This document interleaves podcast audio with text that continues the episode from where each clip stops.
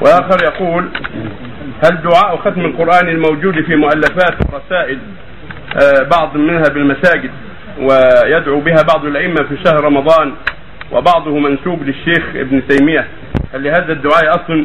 لا بأس به الدعاء لا بأس به لكن ليس له حد محدود روي عن أنس وعن بعض الصحابة ولكن ليس له حد محدود يدعو الإنسان عند الخاتمة بما تيسر ولا يتقيد بما ينسب إلى شيخ ولا إلى غيره يدعو ما تيسر من الدعوات الطيبة ولا حرج في ذلك. نعم. إذا تزوجت امرأة ثانية. نسبة للشيخ الإسلام صحيح؟ ما أدري عنها. مشهورة ولا وقفت لها على سند ولا في كتاب مؤلف لكن مشهورة عند مشايخنا عنها. الشيخ الإسلام ابن تيمية رحمه الله. نعم.